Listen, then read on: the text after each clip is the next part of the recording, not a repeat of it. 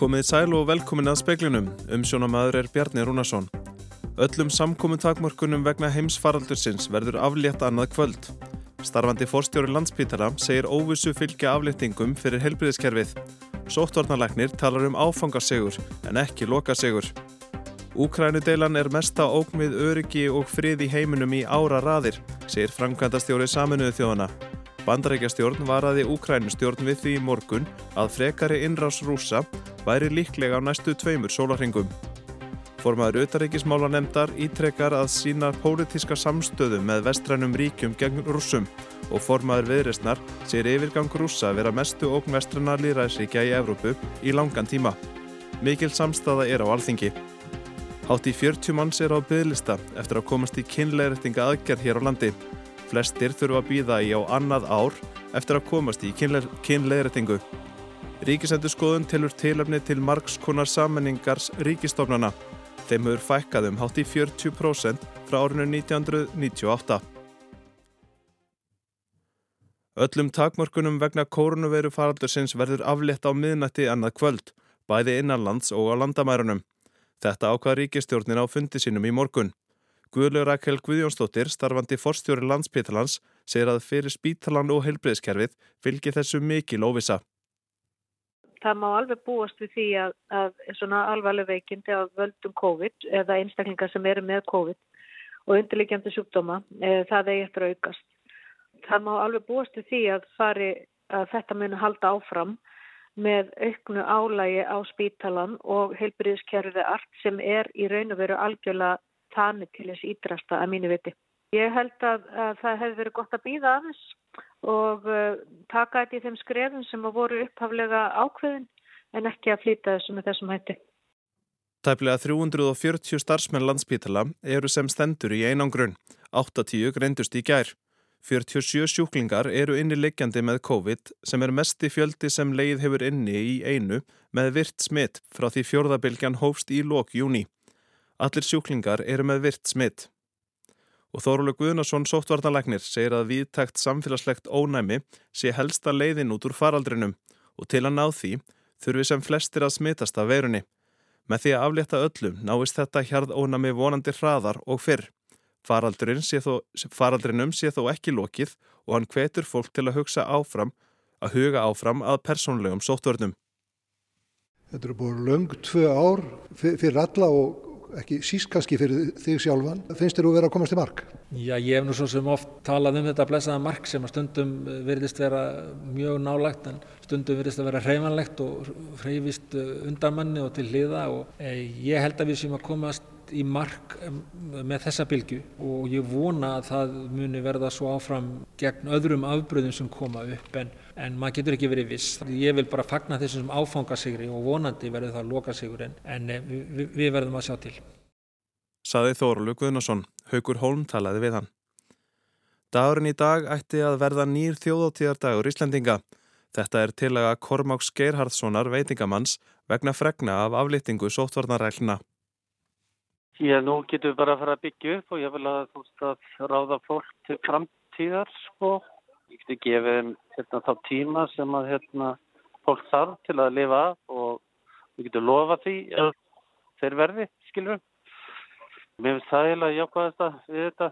Kormakur Geirharsson veitingamæður segir atvinnu öryggi ekki hafa verið til staðar hjá starfsfólkinu og hann hafi ekki tölu á hversu margir hafi fengið vinnu og mistana aftur í veitingageiranum vegna takmarkana og lokana síðustu tvö ár. Tíma taki fyrir veitingageirana brakkast á ný.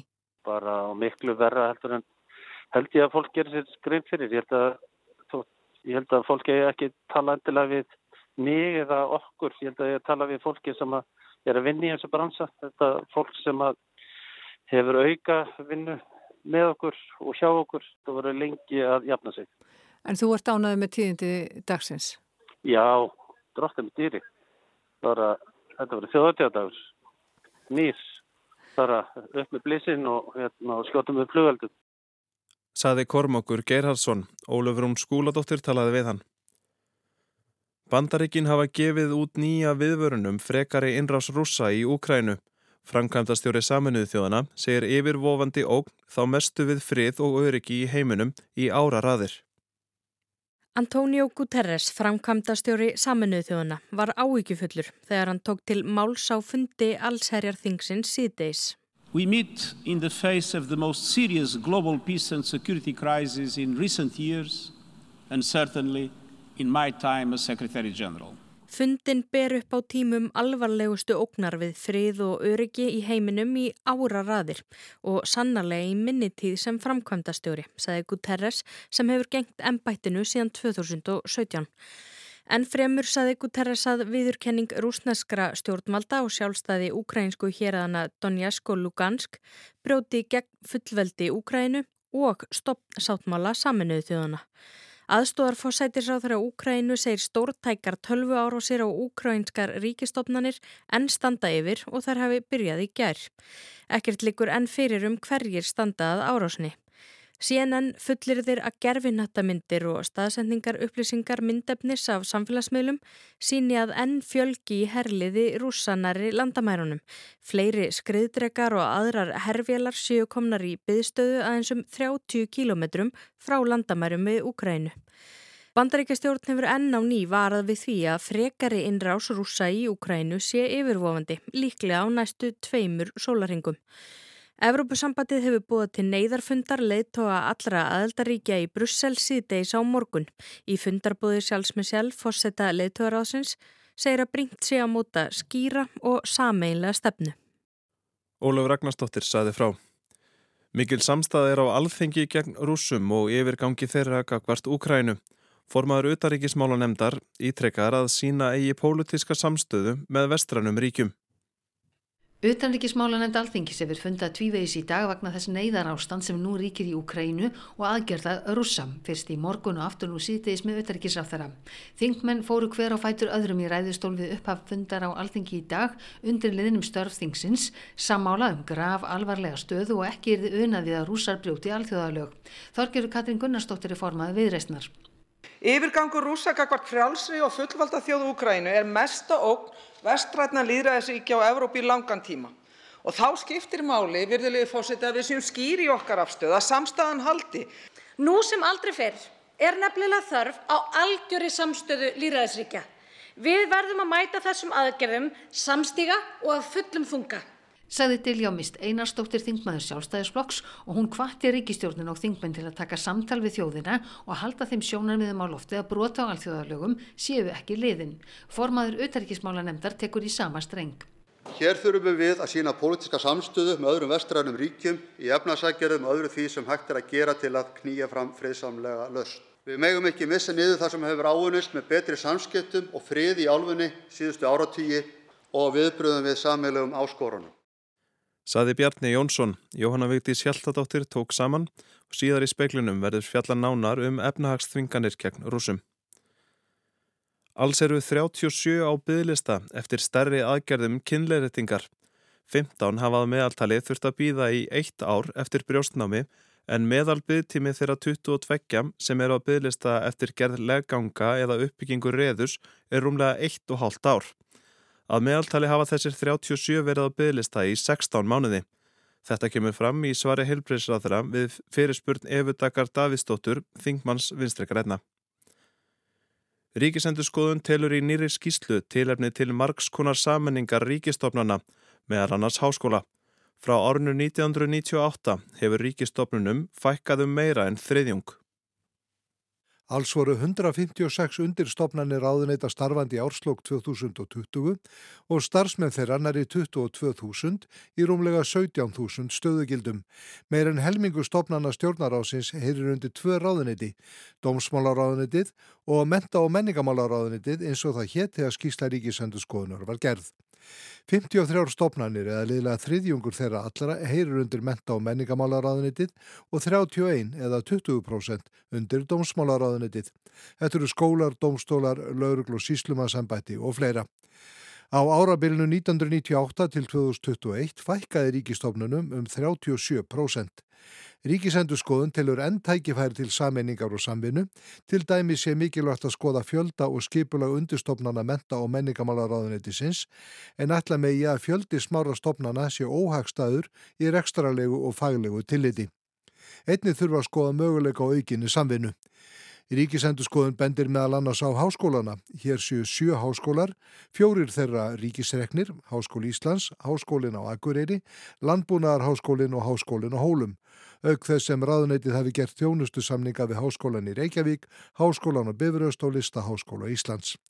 Ríkisendurskoðun telur að með hliðsjóna smæð þryggja af fjórum opimberum háskólum sé full ástæða til að kanna hvort auka megi hafkamni þeirra með sammenningu eða auknu samstarfi og hvetur ráðuneytið til að skoða það. Svipað megi gera með söpn, svo dæmi sé tekið. Þá segir í skýrsluna að afar mikilvægt sé að undirbúa saminningar af kostgefni eigi þær að skila tilætluðum árangri. Haukur Holm saði frá.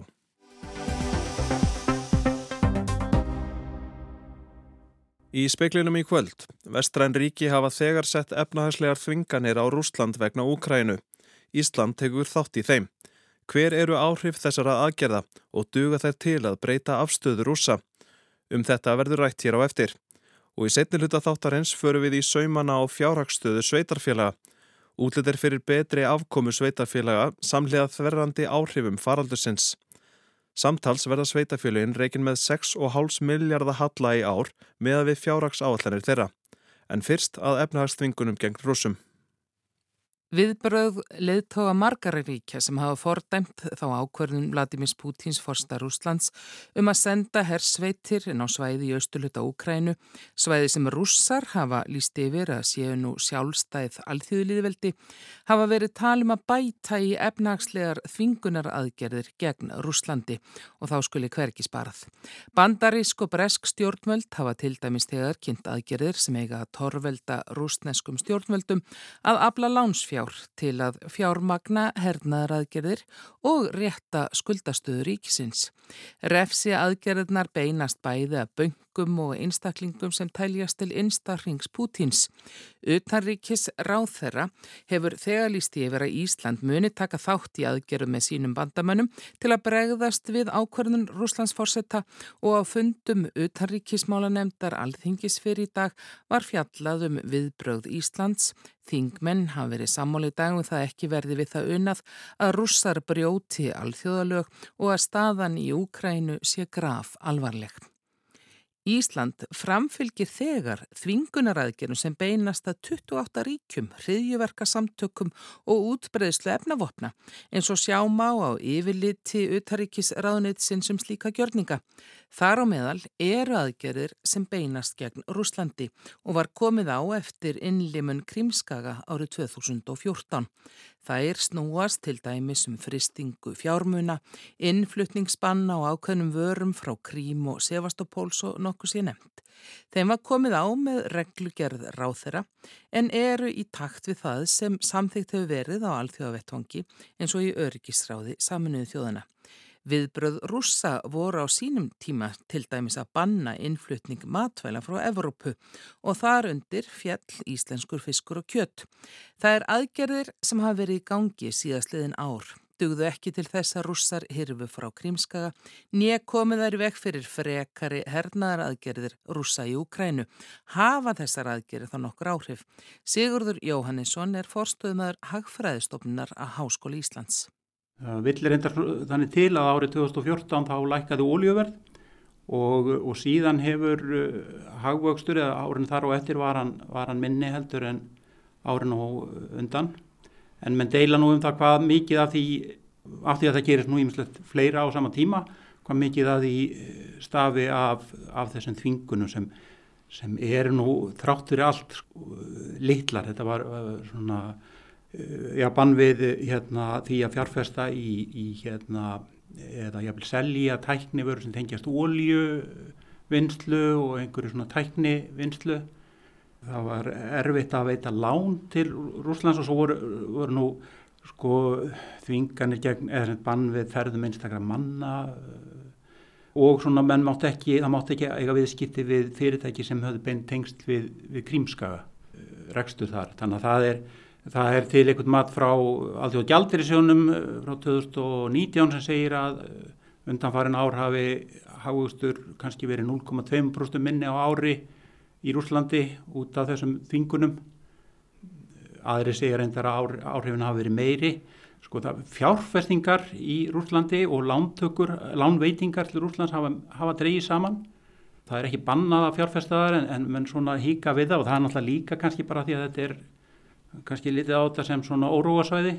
Sko rússar hafa sem undanfærin ár verið að borga af skuldum við útlönd sem er í sjálfsýr ágætt en, en, en ekki kannski fyrir svona landi eins og eins og rúsa sem er sko þetta er í okkar skilningi kannski svolítið vanþróaland og uh, menn higgja á meiri hávöxt og menn að ná upp uh, tækni fórskóti sem önnulönd hafa og þá er gott að hafa fjárfestingar séu miklar og, og, og, og sérstaklega beinar fjárfestingar fyrirtæki, erlend fyrirtæki séu að fjárfesta í Rúslandi því að þá fylgir því svona alls konar tækni tækni nýjungar og svoleið sem, sem vilja tilenga sér.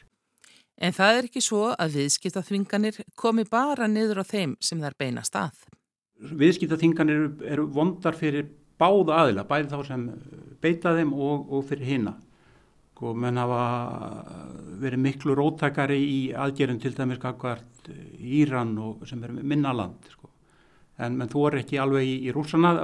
Vestur-Európumenn þeir, þeir kaupa mikið á olíu frá Rúslandi og, og gas sem er náttúrulega kemur bara beint með leiðslu og, eh, og menn hætta bara menn, menn hætta ekki á það að, eða, eða tíma því ekki að, að, að slíta þeim viðskiptum að það er, það er líka vant fyrir okkur og almennt má segja að að svona viðskiptaþingarnir séu erfiðar eftir því sem landið er stærra sem er verið að reyna að þinga bæða því að það er þá meir verra fyrir hinnaðilan og svo líka eh, sem ólíklega það er hafið áhrifa því að, að því að hérna bara heima hagkerfið er þá stærra og er ekki, þá er þá ekki eins háð eh, viðskiptum við útlönd.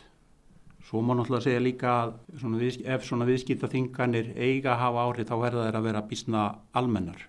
Eh, þurfa eiginlega allir að taka þátt í því. Sigur segir að Íslendingar þekki það úr eiginsögu hvernig finna má leiðir fram hjá viðskiptaþingunum. Til dæmis 53 þegar hérna breytar settu löndunarpann á fisk eh, frá Íslandi þá þá hérna fóru íslenski ráðmenn bara til Rúslands og, og hérna og uh, fóru að selja fiskþanga sem, og svo fisksala held áfram alveg þanga til já, upp úr 2014 datt hún niður og það var vegna aðgerða rúsa sjálfra þeir voru svona refsi, eh, gagn, eh, refsingar þeirra svo þekkið þetta líka kannski úr Íslandsögunni líka það, í sambandi við árið 1988 held ég að það verið sem hérna var mikil eh, svona orðu út á, á kvalviðum íslendinga og þá hættu versl, erlendar verslunarkæðjur og skólar og, og, og svona stofnanir að kaupa fisk frá Íslandi. Svona eftir virkið tölum að dæma þá tókst nú að selja allan fiskin og menn, eh, þannig að þetta var svona trublun og, og svona pyrringur út af þessu en, en ekki kannski efnarslega áfall. Sko. Það gæti orðið rúsum þingra ef vestur-Evropu þjóðir hætta að kaupa þeim gas en ólju. Því að ólju er auðveldar að selja annað. Hins vegar er útvegun eldsnittis heldur ekkit auðveld til dæmis fyrir þjóðverja. Menn vilja ekki fara í, í stríð og það er betra, kannski sammálum það að það sé betra að, að, fara þá, reyna þá eitthvað annað eins og viðskipta þinganir. Ég er ekki alveg vissum að það er hafi mikil áhrif, þetta er náttúrulega þá maður komin út í pólitík sko, hvort það hafi mikil áhrif til til skamstíma, ég hugsa að séu svona verið þreytandi til langstíma það er með sko það hafa ekki nægt til þess að halda aftur á Putin og hann hann náttúrulega notar þetta svolítið til þess að maður sér það að hans vinsaldir fara vaksandi sko, þetta er, þetta er gott með sko til, til skamstíma fyrir hann sko En hver er þá verkan þessar aðgerða? Sigurður vittnar til bandarískrar rannsóknar.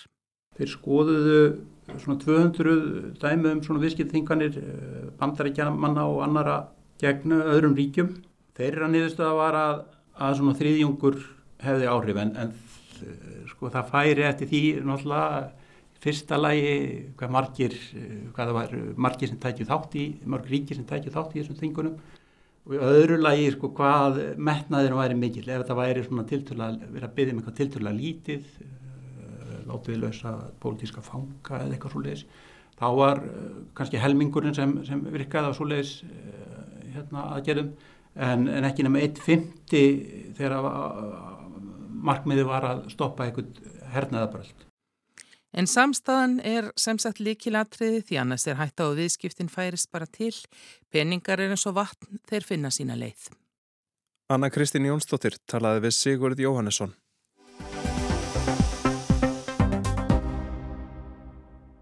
Gert er ráð fyrir að rekstrarhalli sveitarfélaga landsins verði hátt í 6,5 miljardur á þessu ári. Fleiri sveitafélög stefna í hallalausan rekstur á þessu ári með við árið í fyrra út frá fjárhags áallunum. Samband Íslenska sveitafélaga kynnti í byrjun veikunar samantekt um fjárhags áallunni 67 sveitarfélaga fyrir árið 2022, þar sem 99% landsmanna búa. Sigurður Ármann Snævar, sviðstjóri Hag og upplýsingarsviðs Sambands Íslenska sveitafélaga, velkomin í speilin. Takk.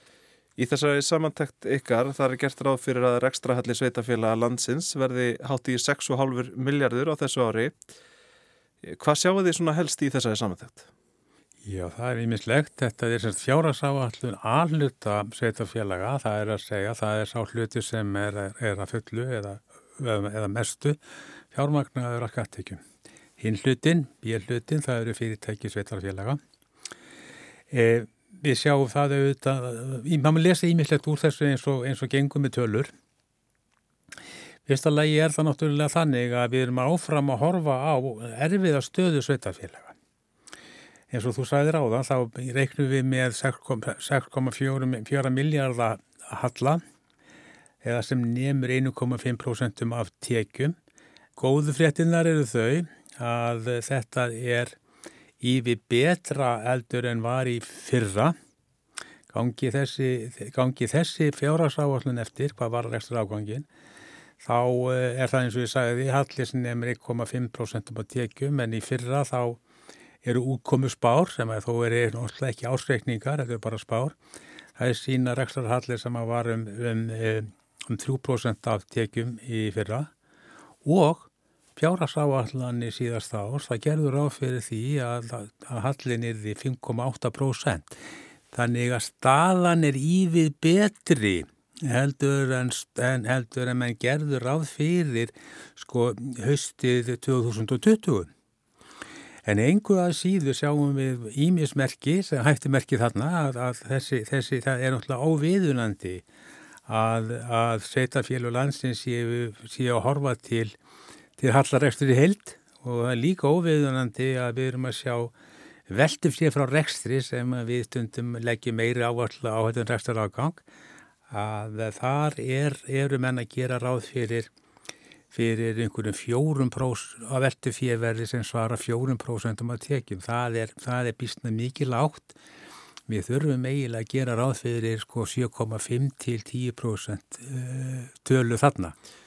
Þú segir að það er betri stað að betra útlitt fyrir þetta ár heldur en, heldur en senast. Er þetta reykja það bara til þess að faraldurinn er að leggjast á liðina? Sko já, það er einfallega að sko tekjuliðin er, er, er, er að batna. Það er við með bara færri atvinnleysið er að minka og svo framvegis. Þannig að, að og, og það svona, heldur, heldur, heldur uh, bjartari yfir efnahagsmálum heldur en var. Ég held að það sé sko aðarskýringin. Mm -hmm. Sveitafélagin þau hafa fundið vel fyrir faraldurinn umlíkt og aðrir og bara allir hafa líka hvartas ára nefið framlægi úr jöfnunasjóði. Hvernig er svona almenn staða þeirra núna þegar er fara að sjá, fara að hitla undir lokfaraldus? Hér er þú sennilega að vísa til málefna fallars fólks. Í meðalannans, já. Það er sem sagt eh, sem, sem en tekjur til, til, til þess, þessar stóru verkefnis sveitarfélaga kemur frá jöfnunarsjónum og þarna hefur verið mikil halli. Það er nefndastörfum, ég lega hikka hún séu nú komið langlegina til þess að greina hver staðan er. Uh, og til þess að greina sko að hvaða leiti Hallin hefur myndast eh, vegna þess að það hafa komið síðan kröfur frá ríkisfaldinu um aukna þjónustu án þess að því hef, þeim kröfum hafa fyllt fjármagn. Þannig að þetta er eitthvað sem að þið hleypur upp á, á, á miljardum króna og sveitarfjölugin gera sér mikla væntinga til þess að, að, að ríkið standi við það að, að fjármagna þessa, þetta, hennar viðkvæma málafló. Launakostnæðurinn, hann hefur hækkað nokkuð mikið senastu tíu ár hjá sveitafélagum. Hvað skýri það og geti þessi kostnæður aukist enn frekar á næstunni? Þetta er auðvitað mjög alvarlegt mál. Sko ef við horfum tíu ár aftur í tíman þá námu laun og tengjöld rétt um helmingja tekjum. E, Fjárhagsáallin fyrir 22, það gera ráð fyrir að hlutvallið verði, verði 57% og útkomið spá fyrir árið fyrir að hún sýnir 58,5%. E, þannig að þetta er, þetta launakostnaði tekur verulega stóran hluta af, af tekjum. Þarna kom, eru ímisatriði, við, við nefndum á, á það málefni fallarsfólk að þar kom, það hefur ábyggilega og, og mikið fjölgun af, af, af fólki sem vinnur þar. Eh, síðan hafa kjærasamninga bara verið mjög dýri fyrir sveitafjöluðin. Gættu að lífs, lífskjæra samningarnir, þeir fólu í sér krónutöluhækkun og það er þannig að laun eru að jafnaði frekar lág hjá sveitarfjöluðunum. Þannig að kostnaðurinn vegna lífskjæra samningana hafa verið mjög miklir.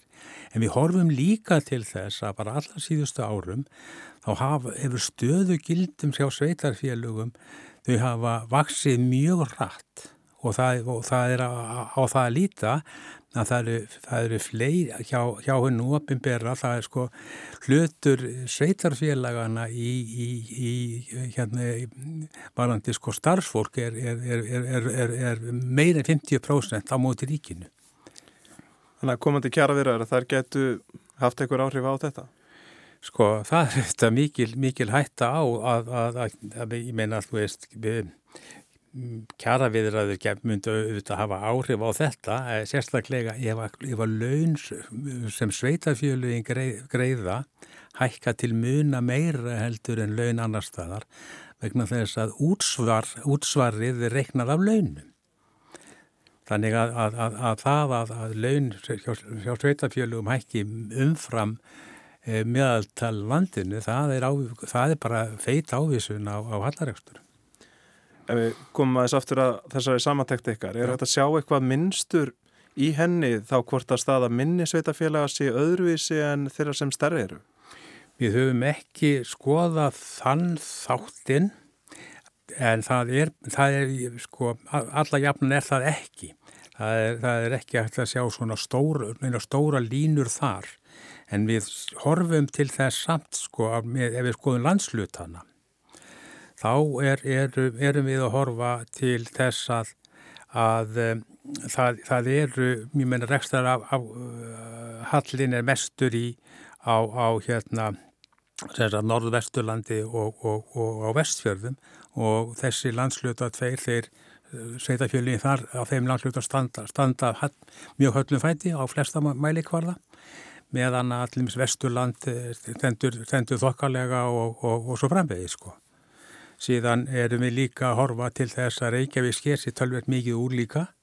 Það miklu það, er, það, er, það hafa verið mjög mikil áform í, Reykjavíkur borg um fjárfestingar og við horfum líka til þess að sjáum líka að það hefur stöðugjöldum fjölga rætt þannig að, að já, þannig að það er svona, er svona, mei, svona megin, megin lína þarna.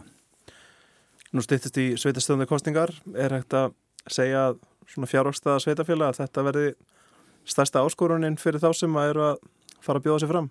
Nei, veistu hvað? Það er raun og veru svo skrítið með það hvað eh, fjármál sveitafélaga eru er, er svona í bakgrunnunum í sveitasjóðnarkostningum það eru yfirleitt önnur, önnur mál að meira menn, menn slá sér frekar ryttar í úgjaldaliðinni sko. Þa, það, það, það er nú, er, er nú vandin e, því miður. Einmitt, við komumst ekki lengra. Sigurður Ármann Snævar, takk hjá alla fyrir komuna í speilin. Takk. Og að lókum er rétt að vekja aðtegli á vonsku veðri á vestfjörðum og við breyðafjörð. Þar er í gildi appelsínungul viðvörun vegna norðaustan hríðar fram til miðnættis í kvöld. Á þessum slóðum er norðaustan stormur 18 til 25 metrar á sekundu og mjög snarpar vindkviður við fjöll. Einnig er spáð talsverðir snjókomu og skafrenningi með lélugu skegni. Ekkert ferðaviður er á þessum slóðum. Á Norðurlandi öllu er gulviðvörun í gildi vegna kvassviðris og snjókomu. Fleira er ekki í speiklinum í kvöld. Tæknimaður var Mark Eldredd. Verðið sæl.